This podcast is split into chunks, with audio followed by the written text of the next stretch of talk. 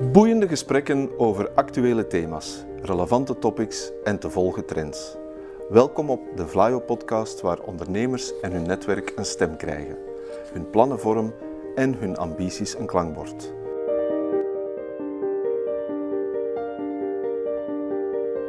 To the point waar het kan, dieper gravend waar het moet.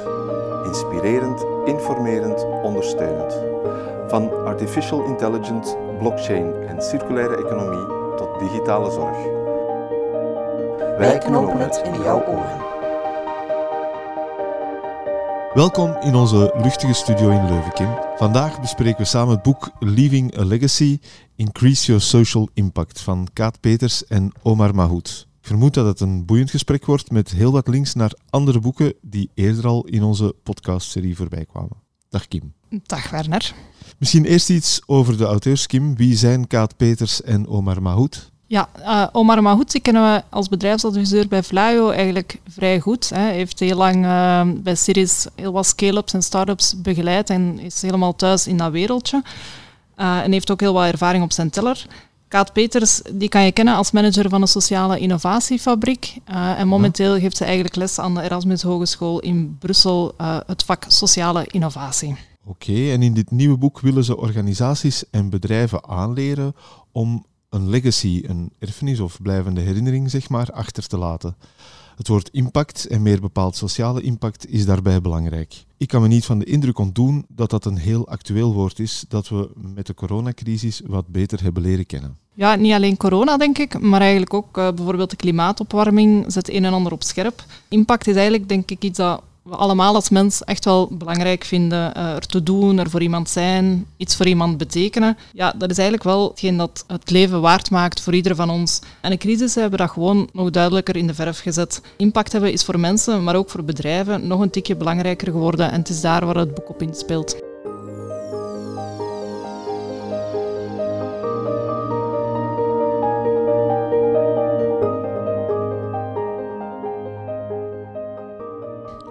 Misschien is het om de discussie verder te kunnen volgen interessant dat we impact en legacy wat beter definiëren zoals de schrijvers dat doen.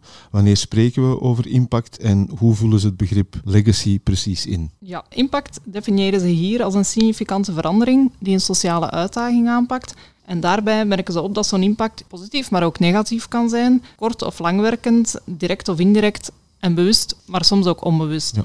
En dan legacy is eigenlijk de next step. Om een legacy na te laten als onderneming moet die impact wel degelijk bewust zijn, positief, significant en langdurig. De impact moet dus wel jezelf en ook je bedrijf kunnen overleven. Oké. Okay. Meer dan een theoretisch boek is het ook een praktisch handboek, werkboek. Hoe zou je het definiëren? Ja, ook in dit boek is er een canvas, een legacy canvas.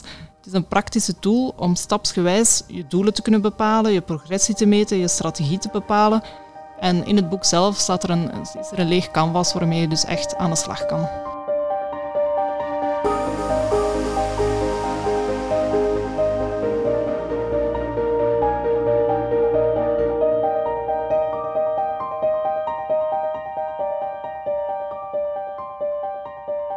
En een eerste stap, begrijp ik, is keuzes maken. Daarbij verwijzen ze expliciet naar de donut-economie, een boek dat we eerder in deze podcastserie al bespraken.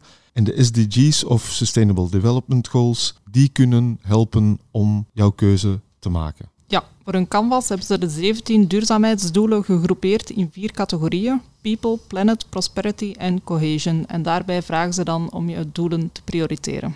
En op basis daarvan, als je die keuze gemaakt hebt op die prioriteitenlijst, kan je een legacy statement maken. Klopt. Dus een kort statement dat beschrijft welke impact jij wil realiseren. Aantrekkelijk, ambitieus en dapper. Ze geven voorbeelden zoals Peerbuy, hè, waarbij dat delen ja. belangrijker is dan het kopen. Of van Fairphone, de manier veranderen waarop we producten gaan maken. En door zo'n legacy statement expliciet te gaan formuleren, ja, is het ook wel makkelijker als organisatie om een zekere focus te houden en om ook keuzes te maken achteraf. En vervolgens ook je vooruitgang te meten en op te volgen, want dat is ook belangrijk, begrijp ja, ik. Helemaal waar, Werner. Meten is weten. En uh, ook voor die zaken die misschien op het eerste zicht wat minder tastbaar zijn, zoals impact, ook daar is het heel belangrijk om via een impact measurement plan aan te geven wat je wil meten en hoe je dat gaat doen. Want uiteindelijk wil je ook hier de ROI, en hier definiëren ze dat als de return on impact, goed in beeld te houden.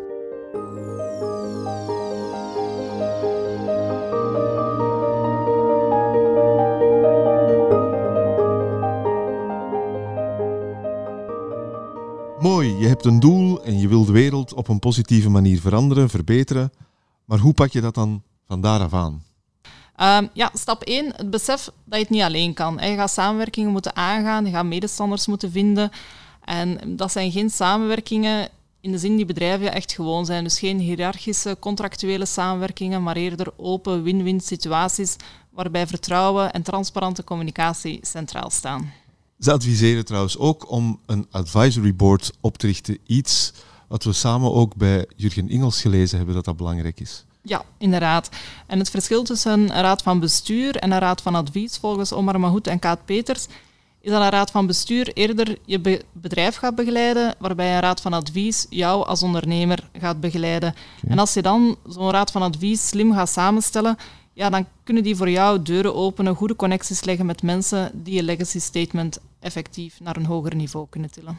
De auteurs komen ook uh, met nog iets nieuws op de proppen, de impact pentagram, die eigenlijk een vervolgstap zou zijn op de triple en de quadruple helix. Wat is dat precies? Ja, de triple helix die kennen we als een samenwerking tussen enerzijds overheid, bedrijven en kennisinstellingen om zinvolle veranderingen te realiseren. De quadruple helix voegt daar een maatschappij aan toe als vierde betrokken partij. En in dit boek komt er ook nog een vijfde partij bij en dat zijn de individuele burgers die vanuit hun ervaring, hun expertise een nuttige bijdrage kunnen leveren. En zo komen we eigenlijk tot een vijfpuntige ster, een pentagram for impact. Interessant. Ik luisterde recent een uh, podcast van Simon Sinek, A Bit of Optimism. Zeker aan te raden en we zullen het ook de link in de liner note zetten. En daar heeft hij het over constellaties van samenwerkingen in plaats van top-down of bottom-up. Altijd een hiërarchie, suggereerde hij. Pleit hij voor gelijkwaardige samenwerkingen. En die vormen, die constellaties, vormen sterren. Dus dat komt mooi overeen met wat je net vertelde.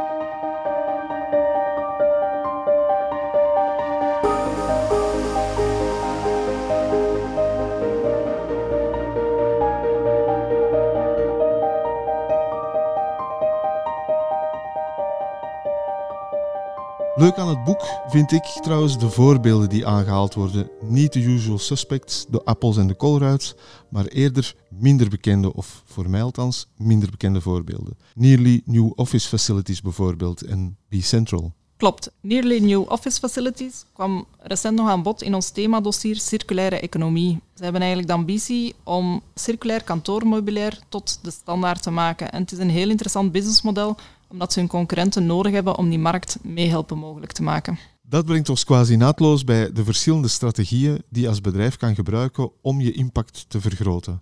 De auteurs hebben er vier gedetecteerd: scale up, scale deep, scale out en scale down. Ja, het uitgangspunt van dit boek is als je sociale of ecologische impact werkelijk tot een legacy wil uitbouwen, dat je dan ook zal moeten schalen. En op jezelf kan je wel impact maken, maar het gaat zelden echt een, een legacy worden. En scale-up is allicht de meest bekende vorm van, voor bedrijven. Je bereikt daarmee meer klanten met hetzelfde of gelijkaardige producten of diensten. En je kan dat op verschillende manieren doen, bijvoorbeeld van capaciteitsuitbreiding tot franchising. En dat vergt, zoals ook Jurgen Ingels vertelde, heel veel geld en heel veel tijd. En houdt dus ook wel een beetje gevaren en risico's in. Over naar andere vormen van schalen. Eerst wordt deep scaling genoemd. Wat is dat precies? ik denk dat je dat het best kan uh, toelichten met een voorbeeld. Greta Thunberg. Hè, dat is eigenlijk een naam die tot uh, enige verbeelding spreekt. maar door zelf een heel duidelijk voorbeeld te stellen, wist een hele community rond haarzelf, maar vooral rond haar principes en waarden te verzamelen. Walk the talk. Uh, en dat soort van impact bedoelen de schrijvers met scaling deep. Een beetje zoals een boom haar wortels uh, stelselmatig uitbreidt. Scaling out, wat is dat precies? Ja, dat is wanneer je de impact die je wil bereiken niet zelf in handen gaat houden, zoals bij upscaling, maar dat je toch een stukje de controle gaat loslaten en aanvaardt dat anderen meebouwen aan jouw doel en er dan soms ook wel de credits voor krijgen. Dus denk aan licensing of consultancy bijvoorbeeld. daar geef je, weliswaar in meerdere of mindere mate, een stukje van je kennis en ervaring weg. En de meest extreme vorm van scaling out is open source, hè, waarbij je jouw inzichten, ervaringen deelt met de wereld en toestaat dat anderen er ook effectief mee aan de slag gaan. En soms kan dat, net zoals bij Nearly New Office Facilities, net de noodzaak zijn om sneller je doel te bereiken. De laatste vorm van scaling is voor mij de meest fascinerende. Scaling down, hoe kan dat voor meer impact zorgen? Ja, eh, dat vind ik zelf ook wel interessante insteek, Werner. Scaling down is een manier van concentratie, van focus. Eh, Warren Buffett zei ooit dat really successful people say no to almost everything. Eh, En door eigenlijk de distractors uit je verhaal te gaan halen, kan je dus in bepaalde gevallen je impact vergroten. Eh, Het moet ook gezegd worden dat het, eh, zoals zo vaak, geen echte keuze is tussen die verschillende vormen van schalen. Eh, Heel vaak is het, is het net een mengelmoes. En zoals het voorbeeld van Fairphone, dat is eigenlijk een, een samenspel van scale-up, scale-deep en scale-out strategieën.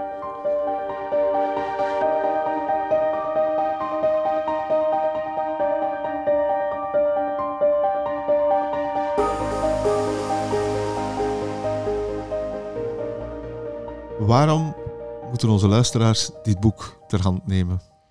Ja, ik denk dat impact creëren en de manier waarop dat je dat doet, dat dat echt... Veel mensen willen dat, maar er zijn nog heel weinig handvaten over hoe dat je dat dan eigenlijk op de beste manier aanpakt. Hè, We kennen allemaal een hele hoop andere canvassen die al heel lang in de markt staan.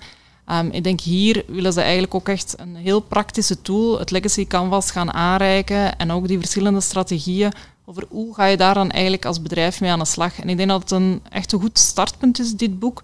Als je zegt als bedrijf willen we ja, die next step, we willen echt gaan werken, we willen impact creëren, dat dit dan eigenlijk echt een goed aanknopingspunt is om een bepaalde strategie te helpen uitwerken. Maar ik denk, net als vele andere dingen, ja, het boek alleen gaat niet genoeg zijn. Hè. Dus laat me duidelijk zijn, het, is, het is een startpunt.